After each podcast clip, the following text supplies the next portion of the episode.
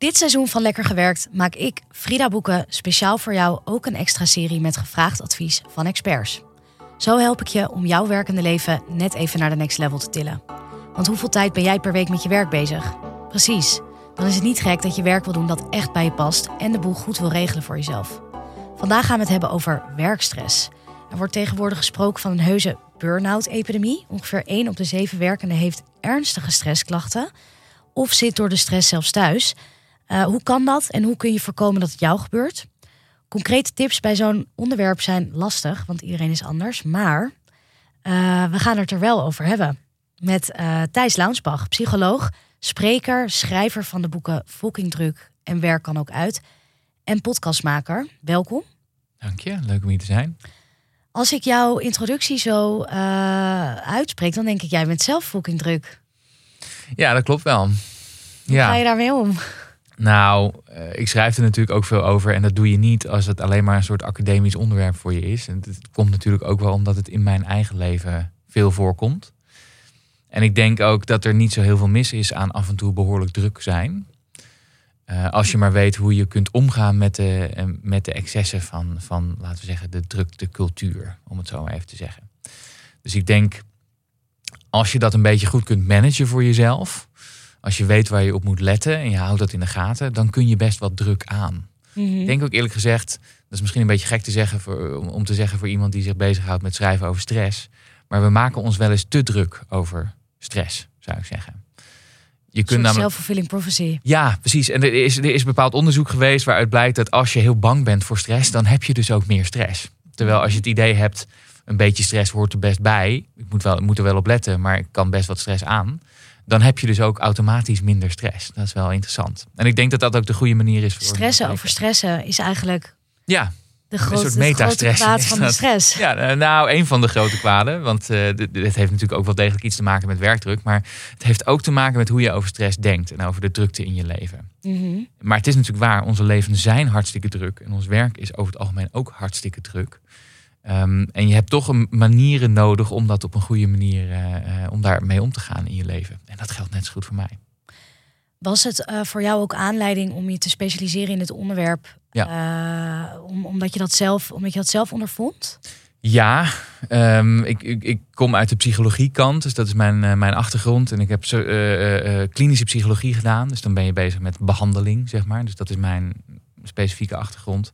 Uh, ik, ik, studeerde af op een onderzoek op uh, millennials. En toen heette het nog geen millennials, want het woord was nog niet ingeburgerd. Maar we het genoemd. Ja, toen, uh, gebruikten we volgens mij het woord quarterlifers. Of jongeren, hè, jongeren op de arbeidsmarkt. Hè, wat we nu mm. millennials zijn gaan noemen. Dus daar was ik al mee bezig. Daar heb ik een eerste boek over geschreven. Maar dan kom je toch al redelijk snel uit bij het probleem drukte in ons leven. Want dat speelt met name bij jonge mensen. Hè? Dus bij Gebeurt dat nou nu, speelt dat nu meer dan bijvoorbeeld 30 jaar geleden bij jongeren? Ja, ik zou zeggen van wel. Ja, ja. Dus dit is altijd een drukke periode in je leven. Eh, hè? nu hebben we het dan over millennials, maar dat geldt net zo goed voor de generatie Z die er nu aankomt. Hè? De echte jonkies nu. Um, maar dit is altijd een, een, een, drukke periode in je leven geweest, ook voor de generaties voor ons. Dus de twintiger en dertiger jaren, zeg maar. Ja, dus waarin je voor het eerst um, je echte grote baan doet, de grote levenskeuzes maakt, uh, verhuist, uh, gaat studeren, allemaal grote veranderingen hebt. Dus het is een drukke periode. Ik denk wel dat we nu een hele hoop drukte erbij hebben en een hele hoop prestatiedruk er ook bij hebben. Dus we moeten wel, we hebben vaak nu het idee van we moeten ook wel een fantastisch leven leiden waar alles in zit. En een fantastische baan, hè, je droombaan, mhm. maar ook een droomrelatie.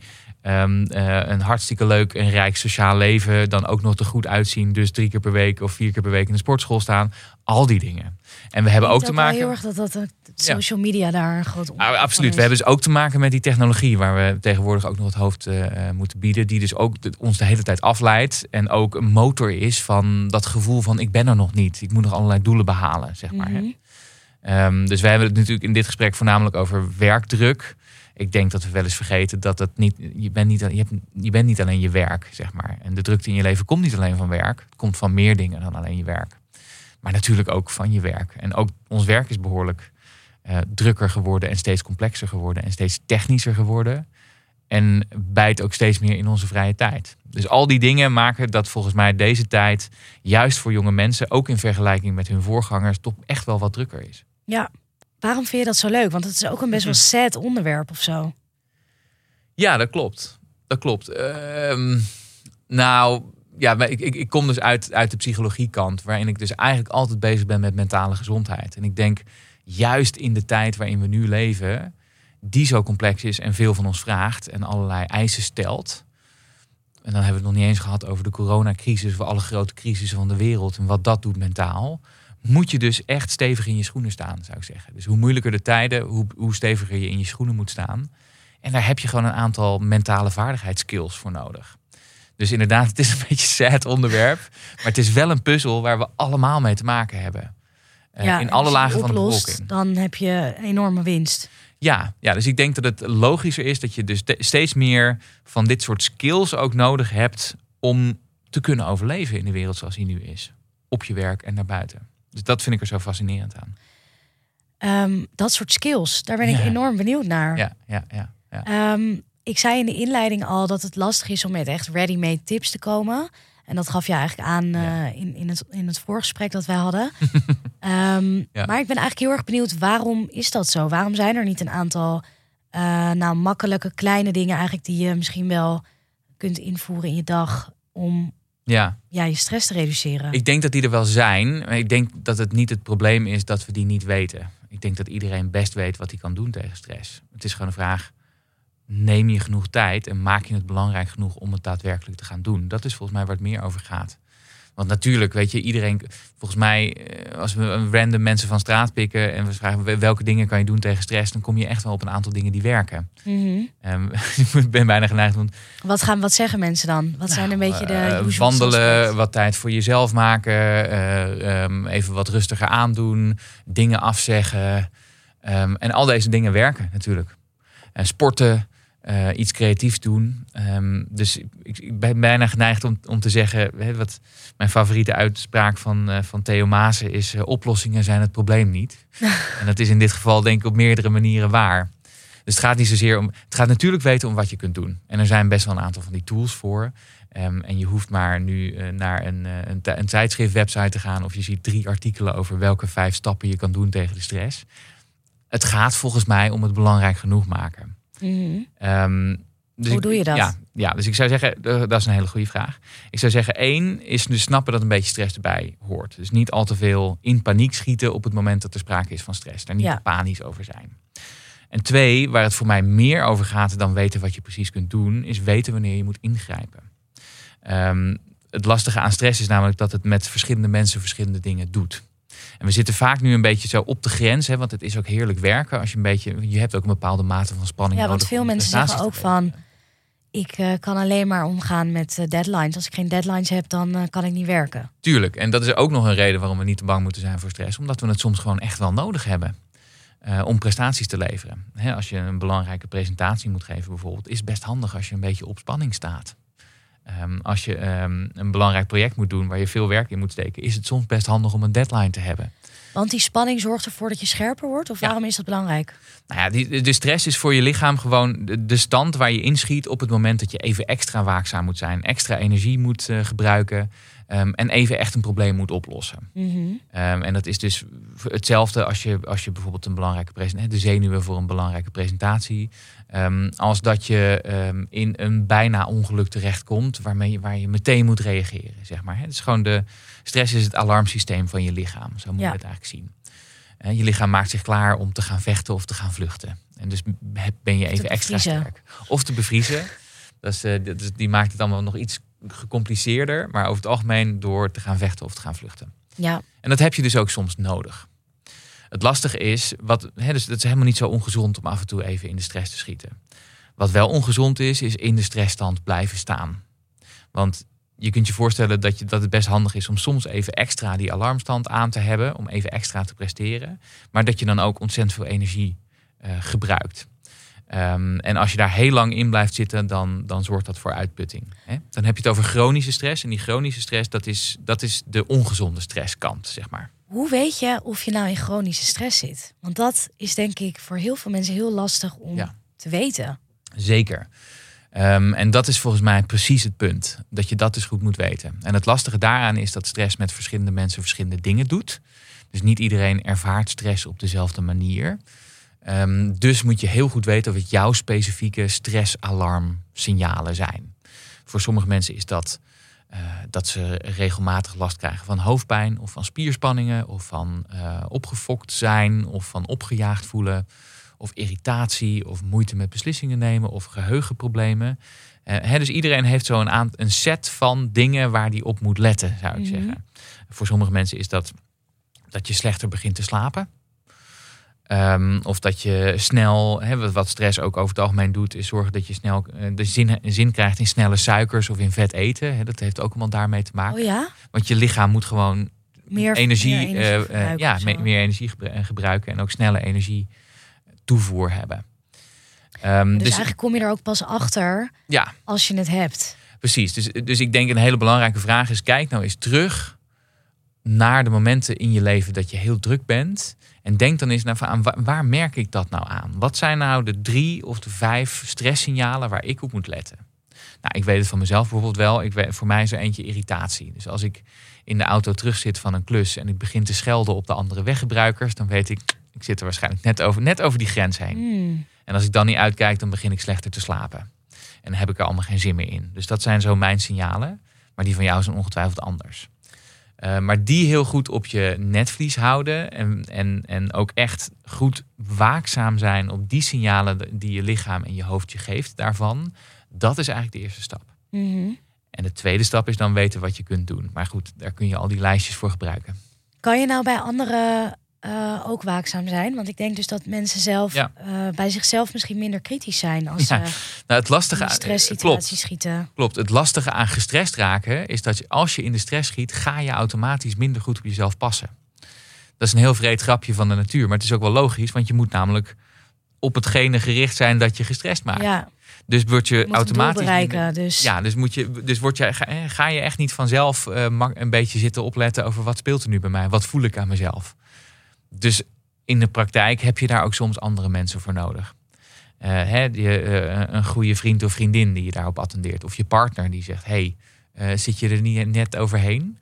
Ehm, of je collega die, eh, eh, die, die zegt: Nou, je bent nou deze week wel drie keer in een vergadering erg bot uit de hoek gekomen. Heeft het er misschien mee te maken dat er veel speelt? Zeg maar, hè? ja, Dus in de praktijk heb je daar soms ook andere mensen voor nodig die je daarop attenderen. Dus dat betekent ook, als je dat soort signalen krijgt van je vrienden of je collega's of je partner, een goed idee om die een beetje serieus te nemen, want die weten het misschien eerder dan jij. ja. Ja, en dan dus niet in de kramp te schieten om eh, dat af te reageren of dat af te doen. Van eh, waar heb je het over? Vanuit nee, precies. Dus, inderdaad, dat Ja. krijg je natuurlijk vaak. Als je dat zegt tegen iemand die gestrest is, krijg je vaak een soort ontkenning. Helemaal niet. Alles gaat hartstikke goed. Ehm, maar eh, ik denk toch wel belangrijk om dat aan te geven als je dat ziet. Want mensen hebben dat soms zelf niet door. En misschien in de eerste instantie krijg je wat, eh, wat bottigheid tegen je aan. Maar Mhm. het zou best kunnen dat mensen dan na een uurtje denken... oh ja, hij, heeft eigenlijk, hij of zij heeft eigenlijk misschien wel gelijk. Ja, Dus ik denk dat dat eh, best zinnig is om dat, om dat te doen.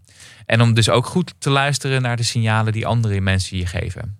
En dus ik, ik krijg wel eens iemand die dan zegt: Oh, je ziet er wel een beetje moe uit. Dan weet ik, oh, eh, dat, het is ook wel een hele drukke periode. Er kan wel iets van ja waarheid het is een in zitten. belediging, maar je moet er misschien ook gewoon wat mee. Ja, misschien klopt het ook wel gewoon, zeg Ja. maar. Hè? Ehm, dus, eh, dus daar goed op letten, dat is denk ik eh, een, goe- een goede. Ja, en dan kom je natuurlijk in wat. Kijk, ik ben er een groot, een groot voorstander van, van als je dat dan merkt en je merkt dat je in de stress schiet, om dan eerst te zorgen dat je lichaam en je zenuwstelsel ook wat rust krijgt, voordat je dan het probeert op te lossen. Nou zijn er ook wel vaak een beetje een aantal misverstanden over. Want die, dat, Vertel. nou, je, je, je zenuwstelsel tot rust brengen doe je meestal niet door op de bank te gaan zitten en heel hard te proberen om te ontspannen. Want dan ga je alleen maar nadenken en piekeren en dan zit de spanning nog in je lijf. Dus vaak doe je dat door juist iets half actiefs te doen, bijvoorbeeld. Hè, voor veel mensen werkt sporten heel goed. Of een flinke wandeling maken, het liefst in een natuurlijke omgeving. Of er even over sparren met iemand die dichtbij je staat.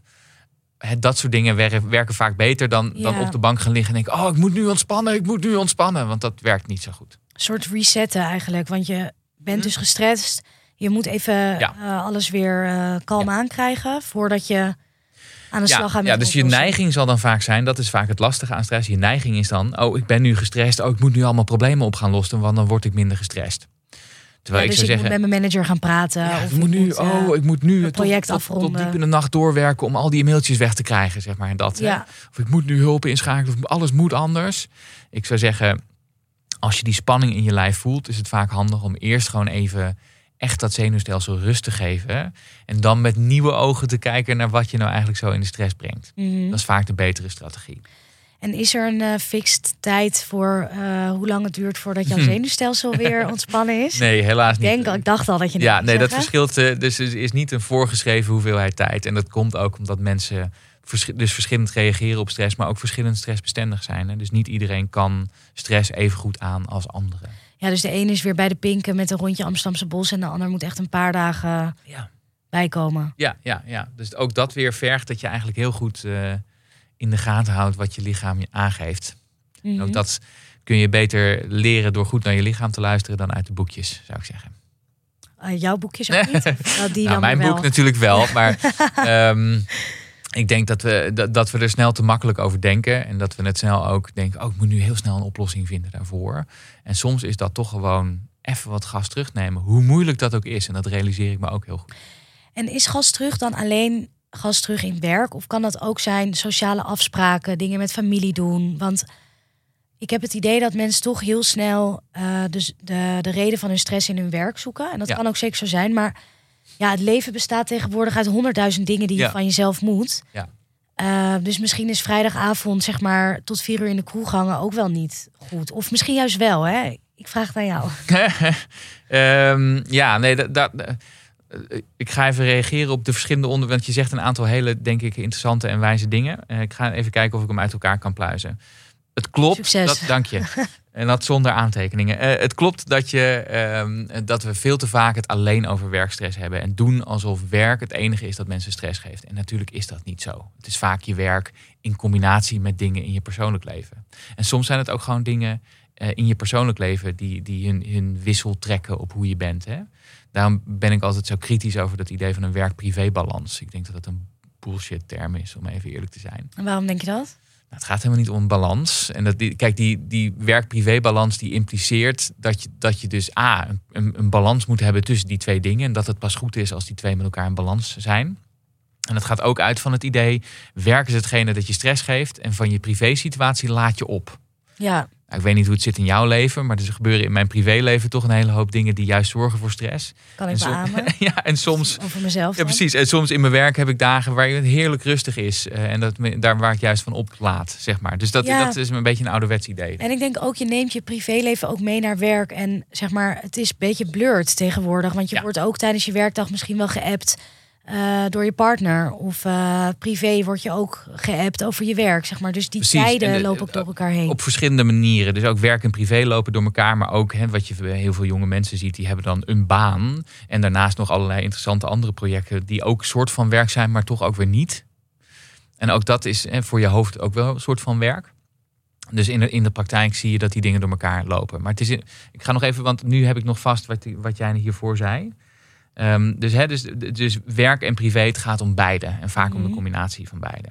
En het ligt er dus ook heel erg aan hoe jij precies bent en wat jouw behoeften zijn en waar het vandaan komt, hoe je daar het beste mee om kunt gaan.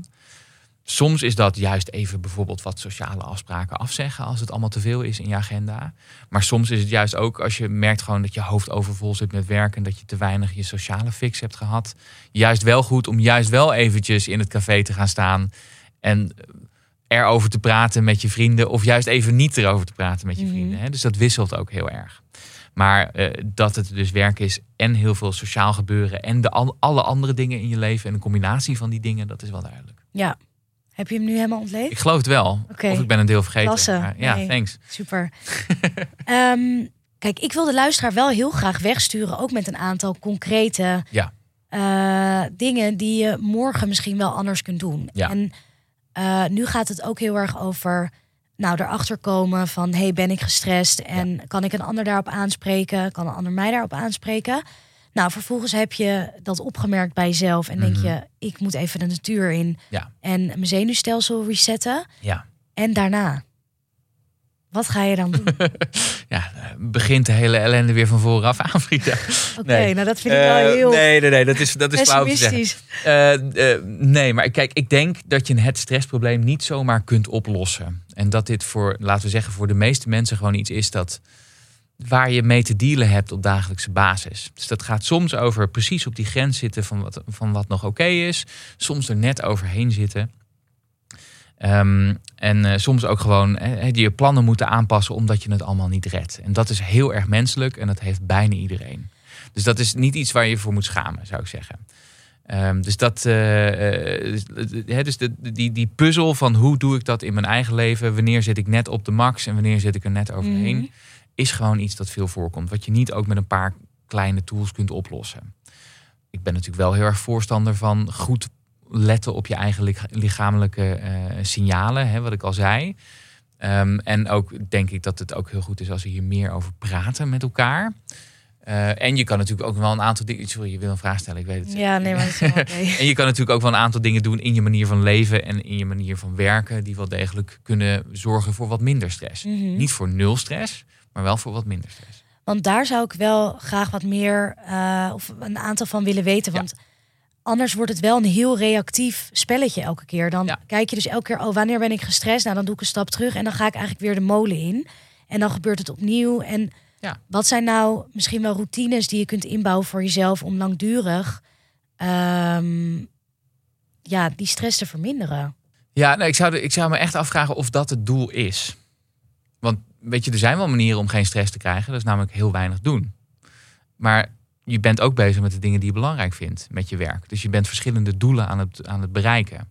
Dus ik, ik vrees echt dat dat een soort trade-off wordt van hè, de, wat kan ik nog wel doen, wat lukt me niet. En dat, die, dat juist die puzzel toch de realiteit zal zijn. Dus ik weet niet of je daar permanent van af kunt raken. Maar wat zijn bijvoorbeeld routines die jij hebt ingebouwd in jouw leven om uh, niet tot dat punt te komen van ja. Uh, ik heb die wandeling nodig om, uh, om even weer tot mezelf te komen. Want ik denk dat ja, je dan eigenlijk al te laat bent. Ja, klopt. En, uh, dus er zijn wel, hè, als we het zo zeggen, er zijn wel dingen die je kunt doen die, die gewoon zorgen voor meer mentale gezondheid en die je ook een beetje beschermen tegen stress. En een daarvan, ja, kijk, daar gaan we. en een daarvan is veel sporten. Hè, want ook je hoeveel. Er zijn eigenlijk een, een aantal hele basic dingen die te maken hebben met hoe je voor jezelf zorgt. Mhm. Die ook heel erg helpen in de bescherming tegen stress. Dus dat gaat over sporten, dat gaat over goed slapen, hè, een gezond slaappatroon hebben. Um, dat gaat over je voeding, dat gaat over momenten dat je even niet belast bent met cognitief werk. Um, en dat gaat ook, ik zou zeggen, ook over momenten in je leven die een beetje, hè, dus die, waar ruimte is voor spel.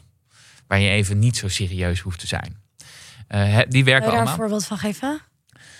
Um, nou, uh, dat, dat kan gaan van een beetje geinen met je vrienden en vriendinnen in, in het café. Of dat over improvisatietheater. Um, uh, letterlijk spelletjes doen. Ja. Uh, geintjes uithalen met mensen. Hè? Dus manieren waarop je even je niet zo serieuze pet op kunt zetten. Om het zo maar te zeggen. Dus dat is er eentje. Um, je kunt je wat beter beschermen tegen alle impulsen van voor, voornamelijk het digitale leven. Hè? Dus ik zeg altijd tegen mensen een van de makkelijkste dingen die je kunt doen tegen stress is gewoon zorgen dat al je notificaties op je telefoon uitstaan. Zeggen ja. mensen altijd: nee, dat kan ik echt niet hoor, want dan ben ik niet meer in de loop. Maar toch, dan krijg je namelijk nog wel alle informatie, maar op het moment dat jij er naar op, op zoek bent en niet mhm. dat je ermee overvalt wordt. Uh, je kan zorgen dat je wat minder aan je e-mailbox vastzit. Want e-mail is een soort to-do-list voor jou, maar dan beheerd door andere mensen. Hè? En wat ook nog eens erbij komt, is dat je de hele tijd switcht tussen waar je mee bezig was en je e-mail. Ook iets dat trouwens in mijn eigen leven, dit vind ik hartstikke moeilijk hoor. Zelfs klinkt nou heel makkelijk. Heel moeilijk. Um, maar ik heb dus wel bijvoorbeeld al mijn notificaties uit van dingen. Want ik word echt helemaal gek als ik um, de hele tijd zo van ping, nieuws, een Facebook bericht, hè, dat soort dingen. Mm -hmm. Ik helemaal, uh, helemaal gek van. Dus dat doe ik niet. Um, ja, en voor mezelf heb ik, uh, ik, ik heb echt langzamerhand gemerkt dat ik natuurlijk wel veel hoofdwerk doe en veel computerwerk doe. Maar dat ik pas uh, dat mijn lichaam pas tevreden is als ik daar ook veel mee werk. Dus dat ik, ik doe echt heel veel tijd voor sporten bijvoorbeeld. Omdat ik merk, dat heb ik nodig om me ontspannen te kunnen voelen, zeg maar. En, maar dat zal voor andere mensen weer andere dingen zijn. En ik doe veel wandelen. Ik probeer zoveel mogelijk buiten te zijn. Als het even kan, probeer ik uh, overleggen uh, niet via een scherm te doen. Al dat soort dingen werken wel degelijk. Ja. En op je werkdag pauzes nemen.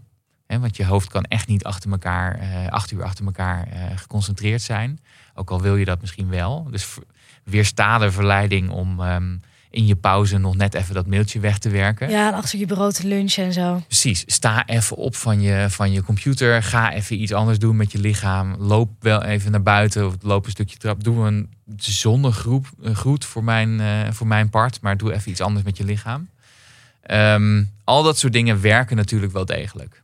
En vooral ook als je merkt dat je het langere tijd dat het niet lukt, vraag ook hulp. Want die is meestal wel aanwezig Ja. binnen je bedrijf.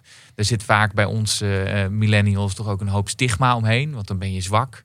Ja. Dat zou eigenlijk niet moeten. Dat hoor je toch wel veel, dat mensen te langer mee rondlopen. Omdat ze ook een verantwoordelijkheid eh, voelen voor hun rol, voor hun baan. En daarmee dus eigenlijk niet willen aangeven dat het misschien even te veel is. Ja, en voor wat betreft stress werkt toch wel echt. Hoe eerder je daarbij bent, hoe makkelijk het ook is nog om dat om te buigen. En als je heel lang wacht tot het eigenlijk echt niet meer langer kan, dan heb je toch echt wel een risico dat je in zo'n burn-out terechtkomt. En dat wil je echt te alle tijden wil je dat voorkomen, volgens mij. Dus Ja. tegen je natuur misschien in, tegen het stigma in, wel kijken waar je hulp kunt krijgen als dat nodig is. Het liefst al in een vroege fase, is ongelooflijk belangrijk. Ja, Dat is een teken van mentale kracht en niet een, niet een teken van mentale zwakte, wat mij betreft. helemaal mee eens. Oké. Nou, ik denk dat we hem eh, wel hebben. Oké. Een beetje stress eh, hoort erbij. Ja. Eh, dus dat is een goede om, eh, om je te realiseren en eh, om de boel ook een beetje te relativeren. Check je eigen stresssignalen. Dus denk terug, wanneer ben ik gestrest geweest en wat deed ik toen? Grijp in bij jezelf, maar grijp ook in bij anderen. Ehm, en merk je nou dat je die werkstress ervaart, doe een stapje terug en breng dat zenuwstelsel terug naar de fabrieksinstellingen om vanuit daar weer opnieuw te beginnen. Hebben we er toch weer een aantal tips van kunnen maken. Zeker. En dan hebben we nog digitale impulsen, notificaties. Ja, eh, die moet je natuurlijk eh, tot een minimum beperken. En dan vond ik sport, slaap en spelen, de drie S'en, heb ik er zo uitgevist. En die zondegroet natuurlijk. Ja. Eh, maar ik denk het allerbelangrijkste is vraag om hulp. En hoe eerder je erbij bent, hoe sneller het ook weer voorbij kan zijn. Thijs, hartstikke bedankt. Lekker gewerkt, lekker gewerkt, lekker gewerkt, lekker gewerkt.